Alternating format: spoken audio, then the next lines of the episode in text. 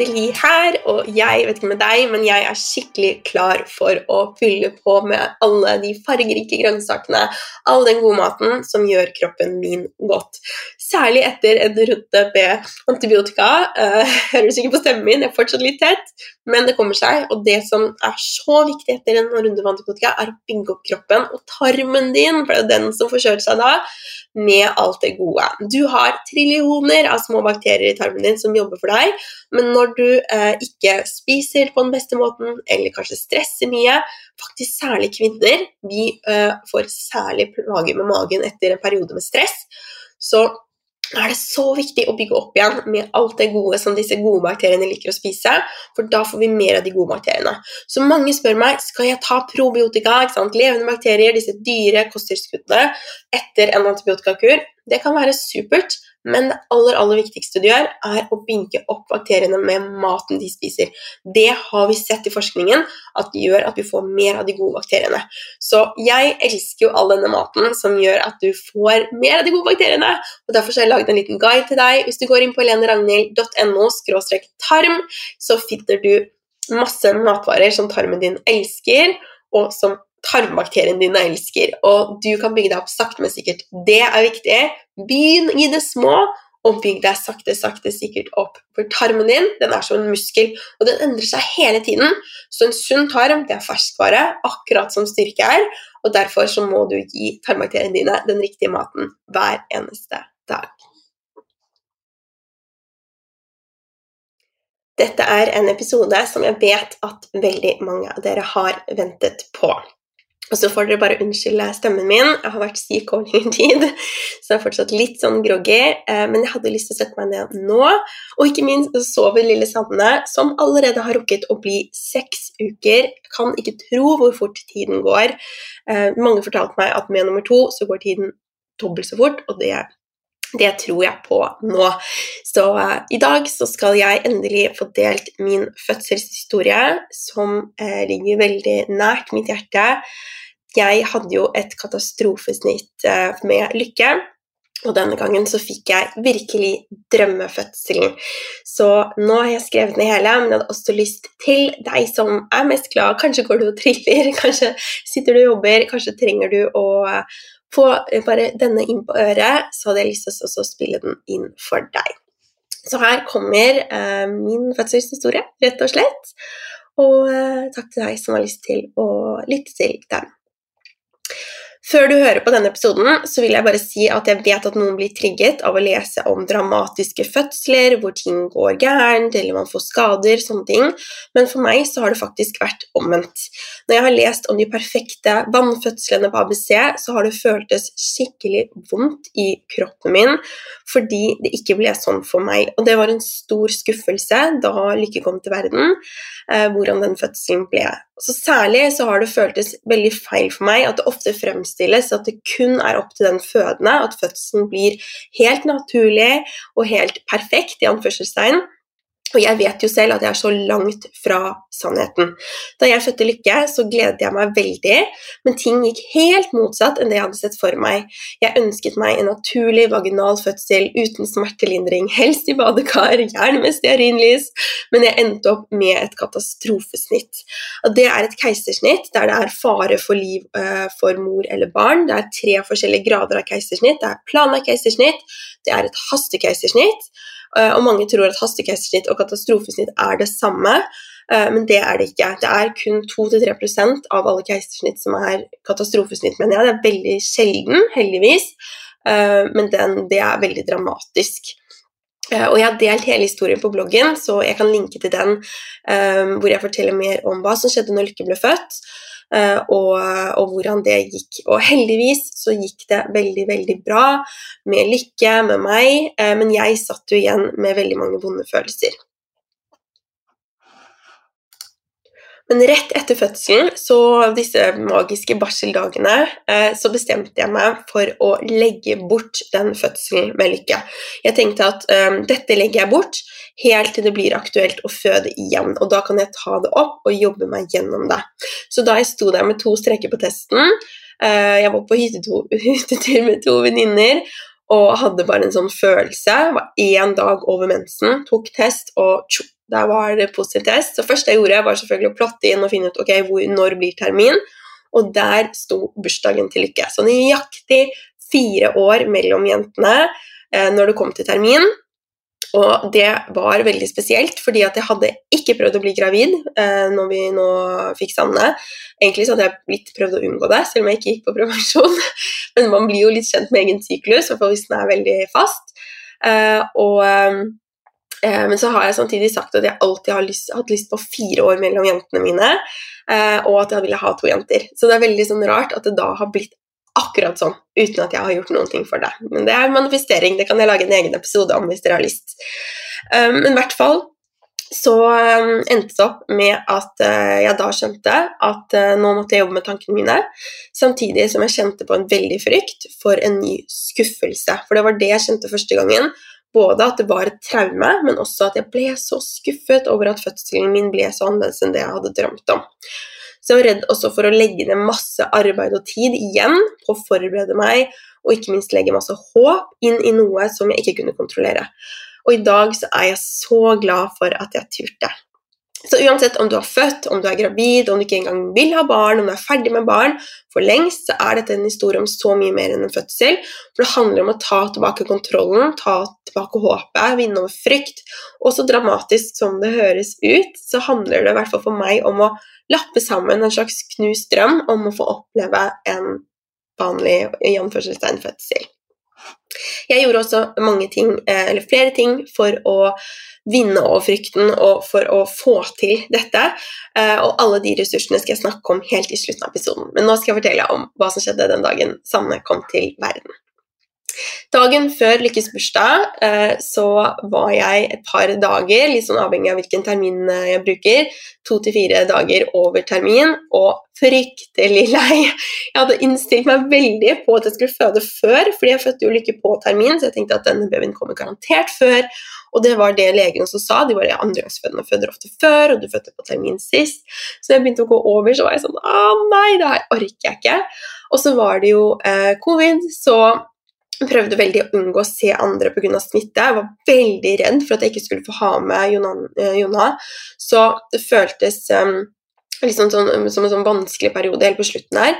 Uh, men så var det jo dagen før Lykkes bursdag, og jeg tenkte at ok, nå vil jeg veldig gjerne at hun skal få feire bursdagen sin. Så vi var litt sånn Søren heller.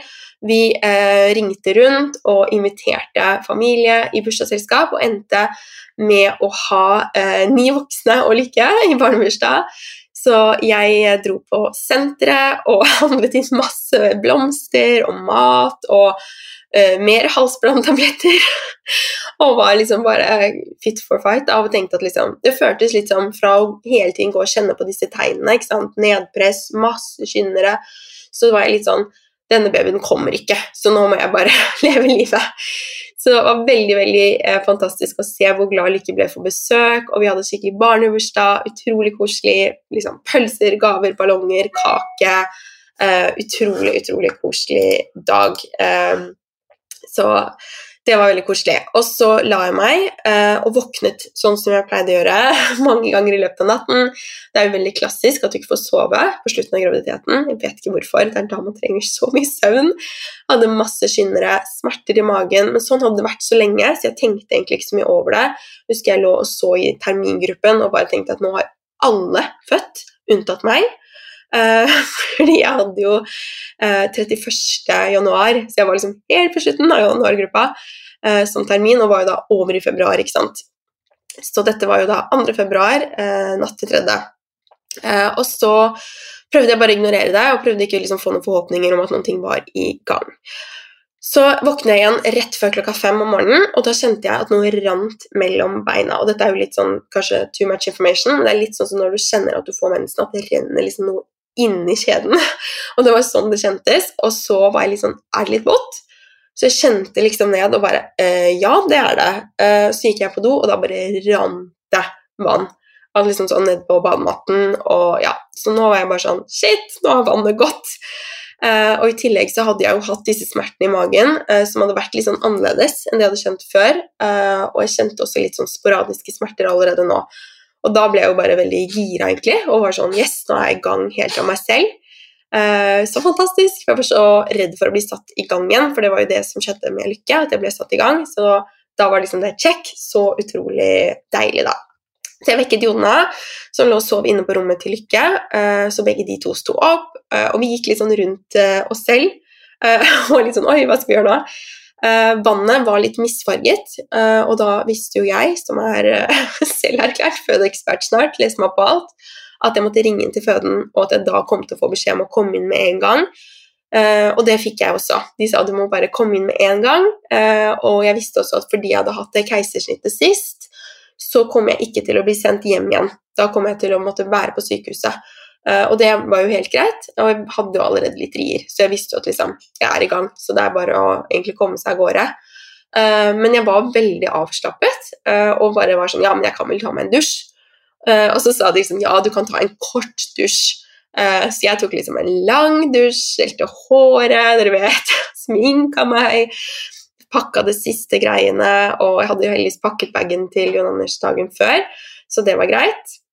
Uh, og så begynte jeg å lage meg frokost som jeg skulle ha med kaffe da i bilen. Det var liksom ikke måte på. Uh, så Jonna trippa litt rundt meg og var litt sånn Ok, skal vi snart komme oss av gårde? Han hadde jo da ringt uh, svigermor, som var her på det føltes som fem minutter. hun kom så fort. og skulle, hun skulle følge Lykke i barnehagen, og hun var jo bare, Lykke var bare overlykkelig for å se farmor. og var liksom så koselig. Så veldig god stemning, egentlig. Uh, siste jeg gjorde, var liksom å sette på uh, Jeg tok meg raw food-kuler fra fryseren, bananbrød fra fryseren. Uh, satt på en vaskemaskin, som stakkars svigermor måtte jo da tilbake for å. Hun tenkte den kan ikke ligge og sule i vaskemaskinen. Uh, og så minnet jeg på Jonna på at vi måtte ringe en sånn tekniker som skulle komme den dagen. Og han var bare sånn Herregud, er dette farlig nå, Helene? Vi må dra. Uh, så han spurte da liksom Ja, men kjenner du noe i magen? Og jeg bare Ja, ja, det er jo sånn fem minutter mellom riene. Og da hadde jo klokken allerede blitt um, rundt sju, så han var sånn Nå må vi dra, fordi det blir rush, og da kan vi bli sittende i kø uh, inn til Ullevål. Så vi kom oss i bilen, uh, og jeg var som sagt veldig rolig, ennå jeg visste at liksom, misfarget fostervann ikke var bra, at det kunne da lede til mer intervensjoner og sånne ting, så var jeg veldig sånn Ja, dette går fint. Så kjørte vi inn til Ullevål, eh, og jeg hadde riet ca. hvert 50 minutt hele veien. Men jeg klarte veldig fint å puste igjennom, vi tok noen telefoner, det var liksom ikke noe styr.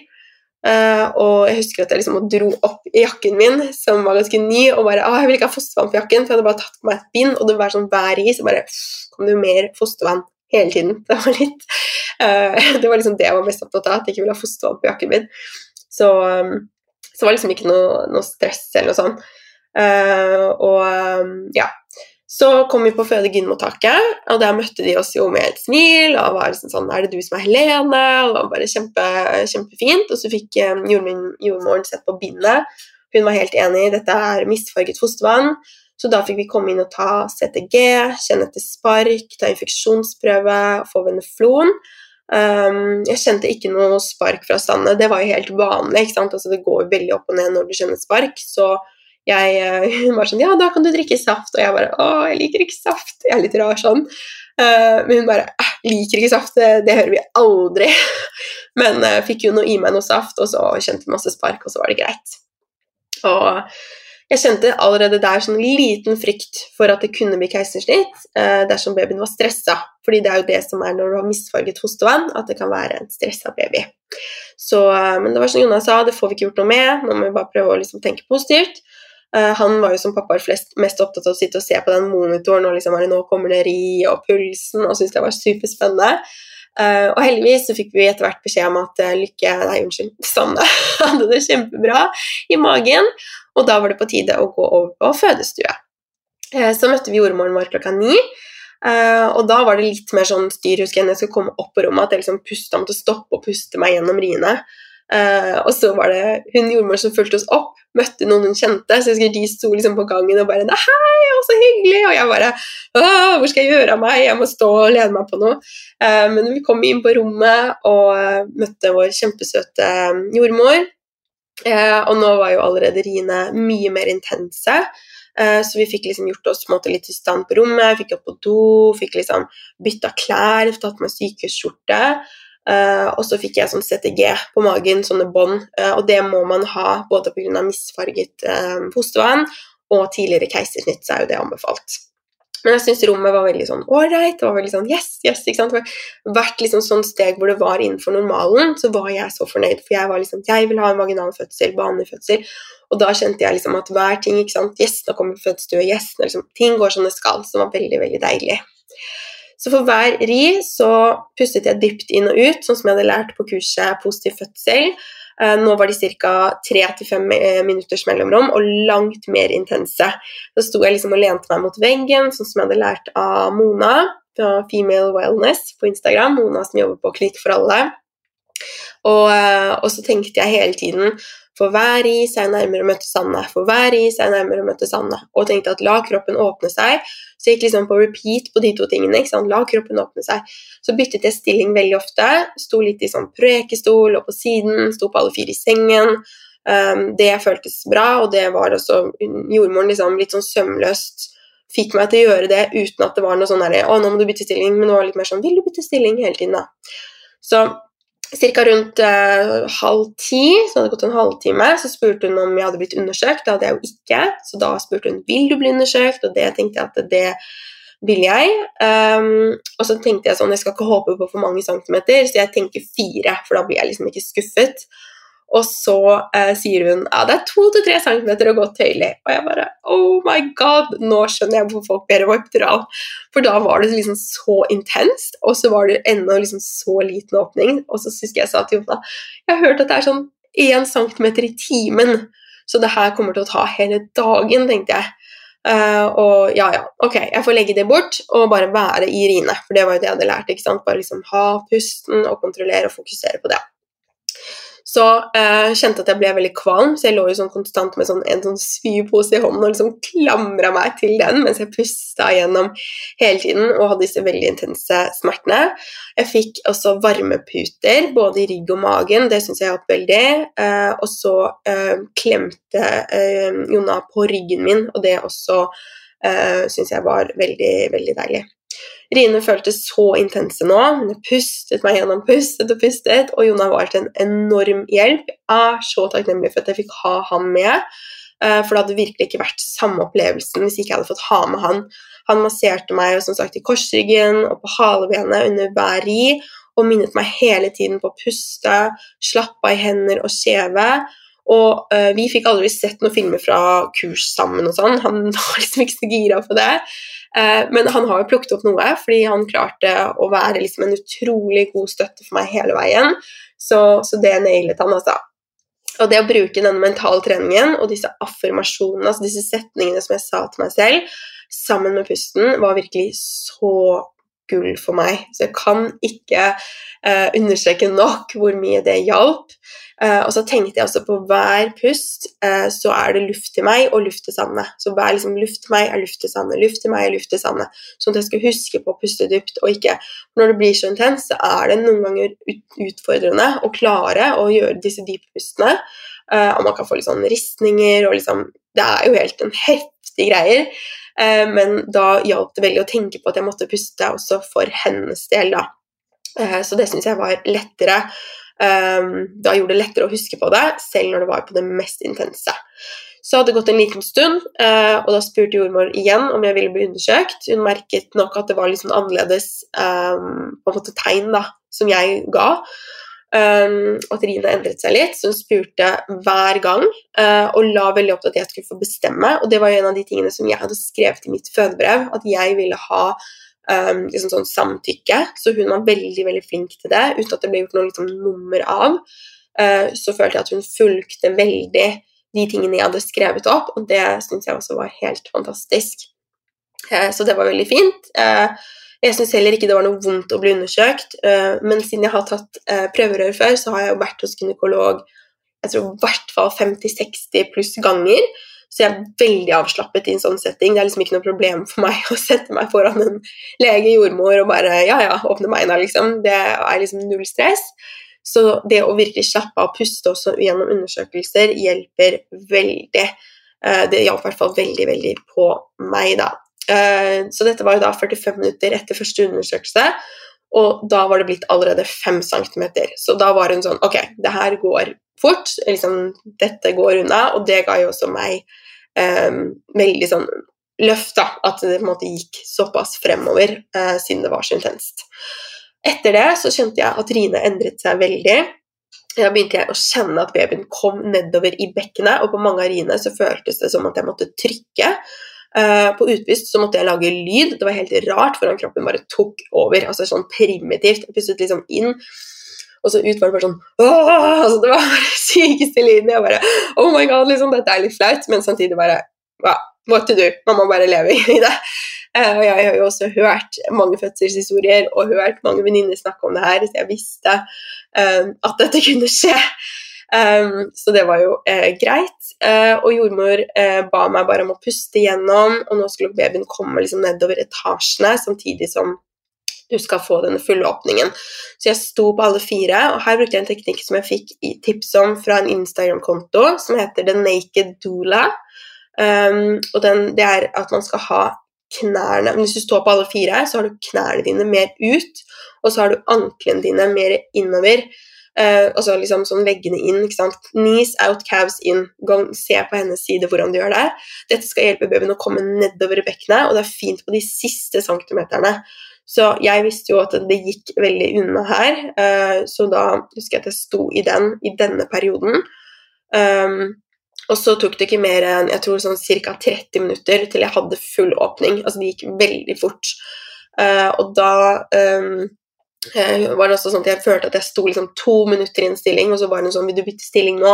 Nå har du stått her i 20 minutter. Jeg bare Her har det gått 20 minutter. Så jeg var så innmari i den boblen og bare pustet og pustet og liksom så for meg, snakket til meg selv egentlig. Uh, og det funket i hvert fall veldig bra for meg, det som jeg har lært da på dette kurset som heter Positiv fødsel, som jeg skal snakke mer om etterpå.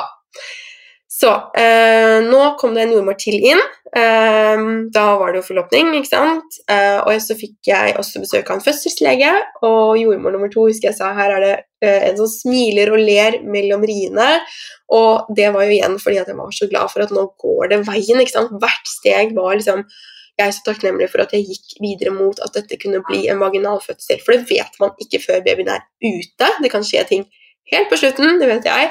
Eh, sånn at man eh, Du kan liksom ikke tenke sånn Det blir garantert det fordi du har full åpning. Eh, men det føltes i hvert fall veldig sånn, ja, veldig, veldig bra. Og når jeg da hadde kommet til full åpning, så følte jeg også at jeg fikk litt mer pauser mellom riene. Så det var litt lettere å liksom hente seg inn. Og så kom liksom riene, og så ja, hente seg inn hele tiden. Og nå fikk jeg også lov til å bare la liksom, kroppen gjøre sånn, Nå kan du bare gjøre det som kjennes riktig. Om du vil presse, så kan du presse. Um, det var virkelig så god stemning, masse oksytocin, dette kjærlighetsfødehormonet i rommet. Eh, men siden eh, fostervannet var misfarget, så tok de sånne laktatprøver av eh, hodet til Sadde.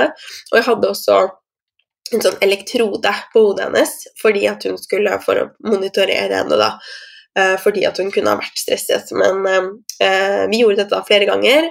Uh, og det var jo også det jeg opplevde sist med Lykke, at vi måtte ta en sånn laktatprøve. Den var fryktelig høy. Uh, og da var de sånn Ok, er den høy igjen, så må vi bare løpe og ta et akutt, liksom, ta et katastrofesnitt. Uh, så det var jo litt sånn Men jeg klarte på en måte å liksom legge det bort, alle disse tingene. Um, og være til stede i riene. og det hadde jeg ikke klart hvis ikke jeg hadde tatt dette, um, tatt dette kurset og liksom hatt fokus på pusten. da. Så med Lykke var de altfor høye, men heldigvis med Sanne så var de langt innenfor normalen, og de sa hele tiden at babyen har godt med ressurser, dette går bra, ikke sant. Så jeg skjønte at nå nærmet jeg meg slutten. Fikk som sagt litt mer pauser mellom riene, slik at jeg fikk tatt meg litt inn. Det brant helt ekstremt i korsryggen, husker jeg. Det var liksom det jeg bare ah, Mellom riene også. Um, men da husker jeg jordmor sa at nå står hun i vektet, så det er ikke rart at det presser nå. Og dette er et godt tegn. Og jeg skrev jo også i mitt fødebrev at jeg gjerne ville ha oppmuntring og liksom fokus på det positive, uh, og det var de veldig gode på. Og det er jo ikke alle som kanskje vil det. Noen syns kanskje hvis de er sånn 'tenk positivt', så bare 'hold kjeft', ikke sant? mens jeg ville ha det. Så det er veldig lurt å skrive et fødebrev det er jo ikke alltid man har tid, eller at det blir sånn som du vil uansett, men hvis du på en måte er så heldig at det blir mer à la det jeg opplevde, da, så er det veldig, veldig godt å ha det brevet. Så jeg kommet til pressefasen, eh, og da følte jeg at de tok seg veldig god tid. Dette har jo ikke min kropp gjort før, sånn at her tror jeg de var veldig bevisste på at de skulle prøve å liksom ikke bare være sånn rett på at liksom, nå skal du presse ut denne babyen, men la henne få god tid, fordi hun hadde så godt med ressurser. Um, jeg fikk bare la kroppen gjøre det som føltes naturlig. Jeg pustet. Her brukte jeg også den nedoverpusten som um, Line hadde lært meg. Um, jeg vet ikke om jeg helt fikk til den, men jeg følte helt i starten av pressfasen så gikk det i hvert fall fint å bruke den. Um, helt på slutten så lå jeg også på ryggen, men ellers så byttet jeg stilling hele tiden. Um, da var jeg egentlig litt sånn lei av å flytte på meg, så da sa jordmor liksom Vil du bytte stilling? For det hadde jeg også skrevet i fødebrevet, at jeg var, gjerne kunne føde i en annen stilling enn på rygg. og da var jeg bare sånn Nei, nå vil jeg bare bli liggende. Så jeg begynte å bli litt sliten liksom, av å bytte hele tiden. Uh, og da var jeg bare sånn Å, når de tok liksom opp de der um, beingreiene som man legger beina i og sånn, så var jeg litt sånn her Oi, nå skjer det. Å, nå blir det vaginalfødsel, liksom. Nå tør jeg virkelig å håpe da på at det blir det. Nå tør jeg liksom nesten helt sikkert å tro det. Uh, og så, uh, som sagt, så tok de seg god tid, og var liksom hodet liksom inn og ut, ikke sant, dere vet. og du får um, du liksom kjenner uh, virkelig at det skjer noen ting der nede. Uh, men det var liksom en helt annen følelse enn de andre riene. Uh, og så tok det ikke mer enn fire-fem sånne skikkelige pressrier hvor jeg liksom fikk presse sånn og jeg holdt liksom Jonas sin hånd i én side, og så hadde jeg den andre bak kneet mitt og liksom haka på brystet og bare å, press, press, liksom. Og så plopp, så var hun der. og det er bare så rått å kjenne først liksom hodet liksom står i åpningen, så kjente jeg virkelig ørene og skuldrene, og så kommer det bare sånn blup, og så kommer hele babyen ut. Og plutselig så var lille Sanne her, og vips, så er alle smertene borte. Det er så rart. Det er akkurat sånn som man sier at det er sånn knips, og så bare Åh, der er hun. Så tok det et par sekunder eh, før hun begynte å gråte. Men det gikk veldig fort, det ble ikke noe stresset av det. Og jeg fikk henne rett opp på brystet, og jeg trodde jeg skulle gråte, men jeg var bare så glad. Jeg tror jeg lo og smilte og var bare så takknemlig. Og jeg sa til Jonna 'Vi klarte det!' Altså jeg var bare helt sånn, ja, Det var så god stemning. Helt fantastisk øyeblikk som jeg er så glad for at jeg fikk lov til å oppleve. Og det var akkurat sånn som jeg ønsket meg. Så jeg får tårer i øynene når jeg tenker på det nå, men der og da så var jeg bare så glad, og så Ja, det var bare sånn skikkelig god følelse. Og etter det så um, uh, fikk vi jo uh, ut liksom morkaken. Alt gikk egentlig sånn som det skulle. Um, og uh, det som var veldig morsomt, var at jeg spurte sånn Å, kan jeg se på morkaken? Uh, og de var sånn Ja, ja, selvfølgelig. De syns jo det er veldig gøy. Og så Jonna bare Wow! Bare, det er jo helt rått. Og så bare Kan jeg ta på den? Så han fikk på seg hansker og fikk liksom holde morkaken og syntes bare det var liksom det sykeste han hadde sett. Så det var utrolig gøy, og det tror jeg også jordmødrene syntes var helt kult, da, at eh, han hadde lyst til det. det er så, jeg tror ikke det er så ofte de opplever fedre som vil eh, holde eller ta på og utforske morkaken. Det må jeg si. Så nå som jeg har fått oppleve to helt vidt forskjellige fødsler, så vet jeg at det er absolutt ikke sånn at du kan styre fødselen din totalt. Eh, og da jeg fødte sist, så var det ikke mye om noe jeg kunne gjort for at forløpet skulle bli noe annerledes. Det har jeg også fått høre igjen og igjen av de som var der. Eh, jeg snakket med legene som var under fødselen min. Andre fødselsleger som har lest min journal, har jo sagt det samme. Du kan ikke bestemme om du skal føde raskt, helt naturlig eller vaginalt. Og vi er så heldige som har alle disse mulighetene som fins for å hjelpe i disse akutte situasjonene. Så jeg er jo ekstremt takknemlig hver eneste dag. Og skrev takkekort til uh, både føden og gyn og alle etter at vi var på um, Når Lykke kom, fordi at hun fikk livreddende hjelp som, som hun trengte. Um, men det som vi kan oppleve uansett hvordan fødselen går, er jo vår egen opplevelse. Og det er jeg utrolig stolt av etter denne fødselen. At jeg turte å gå for en vaginal fødsel etter sist. Jeg fikk jo tilbud om å ta keisernytt hvis jeg ville det, men jeg hadde veldig lyst til å prøve å få til en vaginal fødsel. At jeg overvant den fødselsangsten.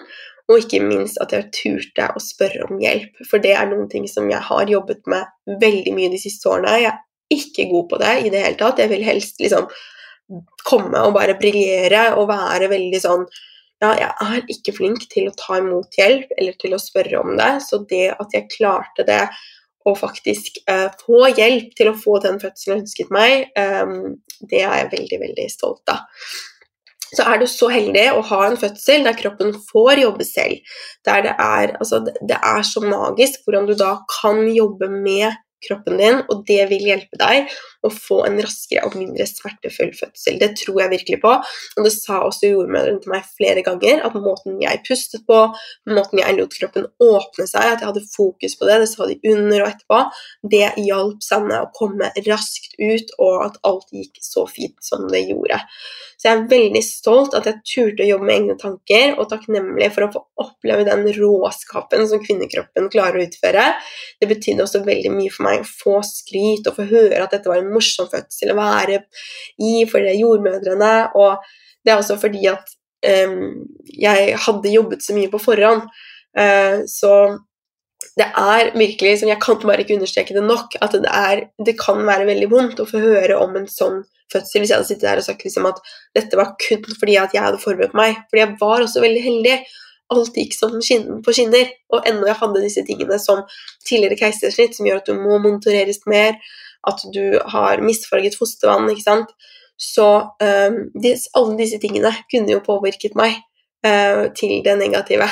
Uh, så vi var utrolig heldige hele veien alle vi møtte på, var helt nydelige mennesker. Det påvirker deg veldig mye når du er i fødsel.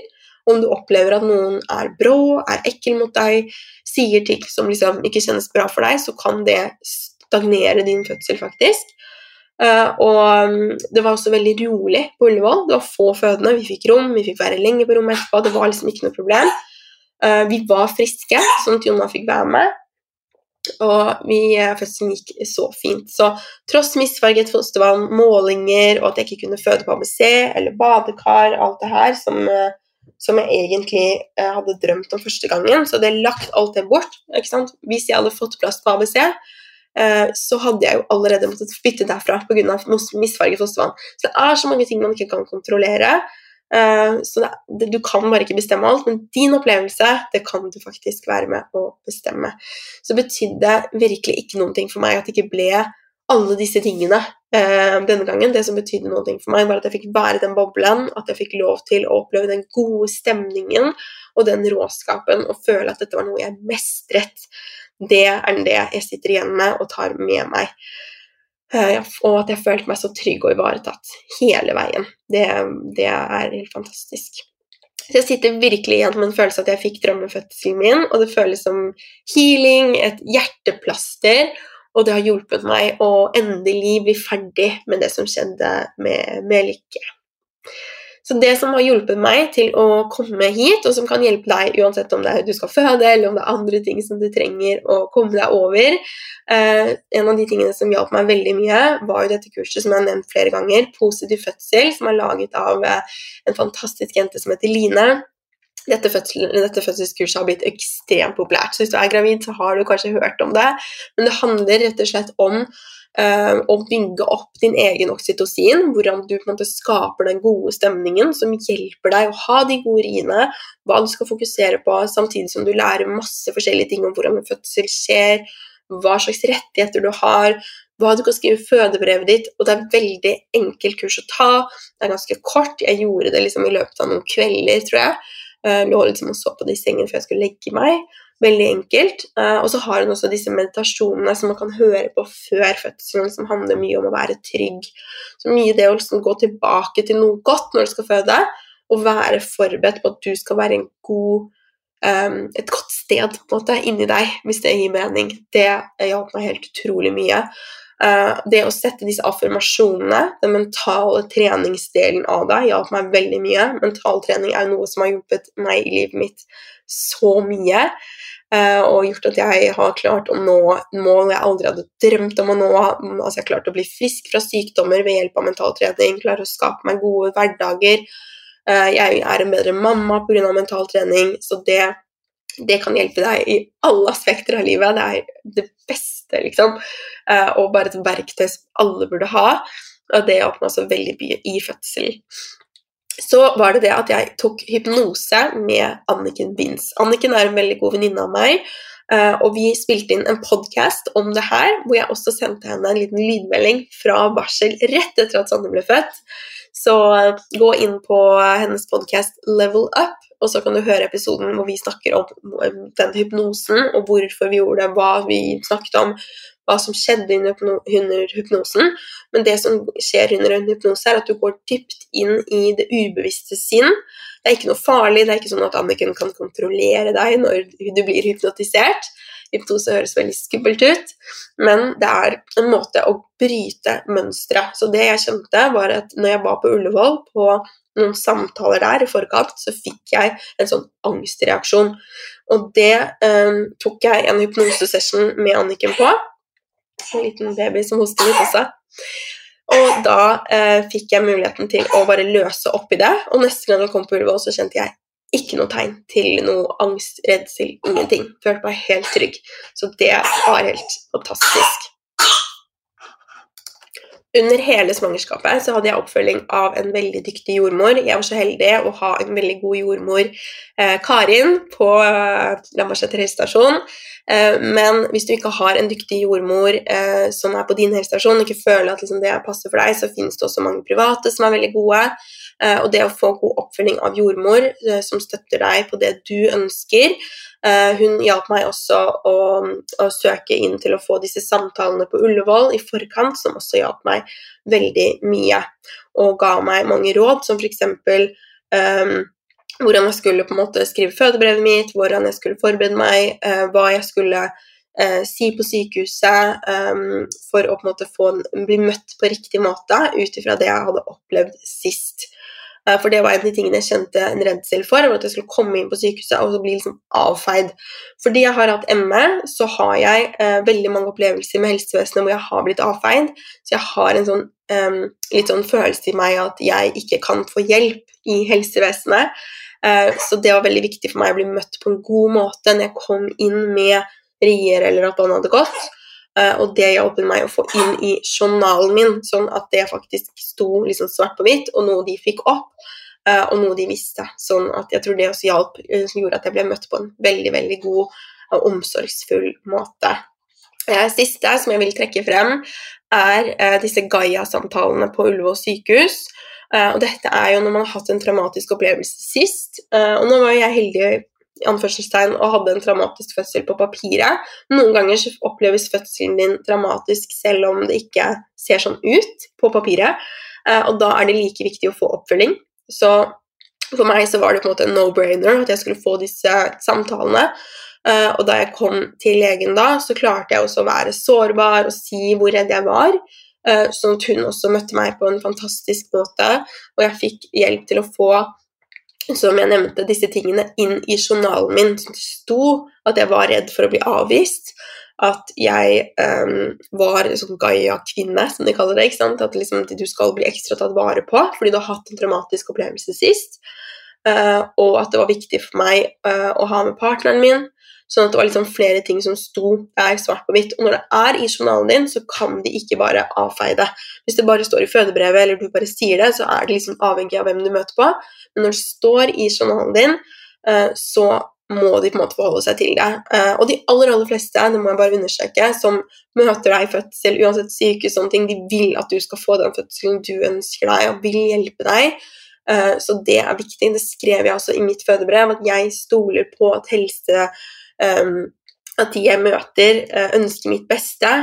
Uh, og det um, var viktig for meg å skrive, fordi at selv om jeg har denne følelsen av helsevesenet, så har jeg ikke noen negative opplevelser med dem jeg møtte sist fødsel. Jeg ble tatt ekstremt godt vare på under fødselen til Lykke, både før og etter, uh, og det var ingen som gjorde noe mot meg.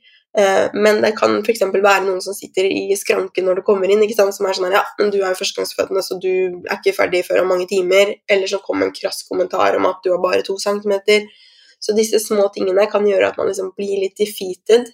Så det var også veldig fint. Så jeg vil bare si tusen takk til både Line, Anniken, Karin og ikke minst alle på Ullevål som jeg fikk møte. Det er helt magisk fine mennesker der som fortjener all skryt, som fortjener ekstra ressurser, flere jordmødre på jobb, sånn at de får gjort en så god jobb som det de fikk med meg, for da tror jeg de hadde god tid, og de sa også det, at vi har, vi har god tid nå.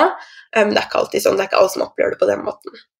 Så hvis du har kommet helt hit og hørt hele uh, episoden, så vil jeg bare si tusen takk. Uh, har du noen spørsmål, så vet du hvor du finner meg. Uh, og så vil jeg bare si at jeg heier på deg som skal føde, som er gravid, eller som har kjent at du har fått en traumatisk opplevelse med fødsel, eller andre ting. Det er mulig å snu. Anbefaler veldig å jobbe med tankene, for det gjorde alt for meg, og jeg er veldig, veldig takknemlig for at jeg turte det. Tusen takk for at du har hørt på denne episoden. Du finner meg på Helene Ragnhild på Instagram. Helene Ragnhild Ernæring på Facebook. Nå skal jeg gå og amme litt. Jeg er fortsatt litt i den boblen. Og så gleder jeg meg til å lage en ny episode veldig snart.